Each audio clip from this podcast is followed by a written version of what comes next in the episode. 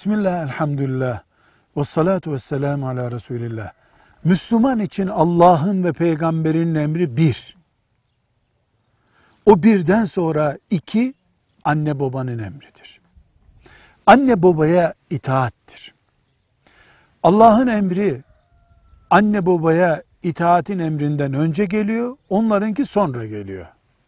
Ancak anne babanın her emrettiğine itaat etmek diye de bir kural yoktur. Belli şartlarımız var. Bir, anne ve baba Allah'ın sınırlarına dokunan bir şeyi emretmeyecek. Mesela düğününü çalgılı yapacaksın diyemez.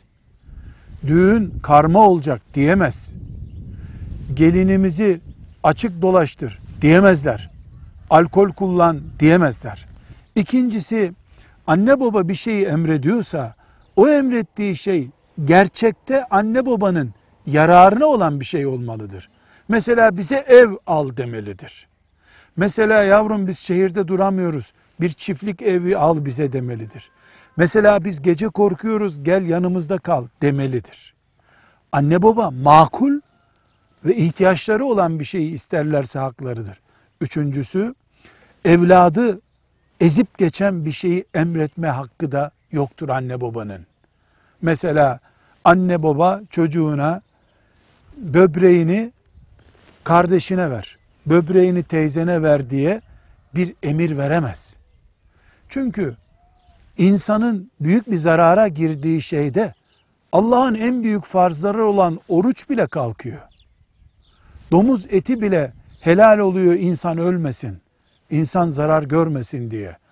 Farzlar ve vacipler, haramlar bile yerinden oynuyorsa insan hayatı tehlikeye girmesin diye bir anne baba bu şekilde evladına zarar verecek bir emri veremez. Verse itaat gerekmez. Unutmuyoruz. Allah'tan ve peygamberinden sonra anne baba geliyor ama bu üç şartla. Bir, Allah'ın sınırlarına dokunulmayacak, anne baba dokunmayacak.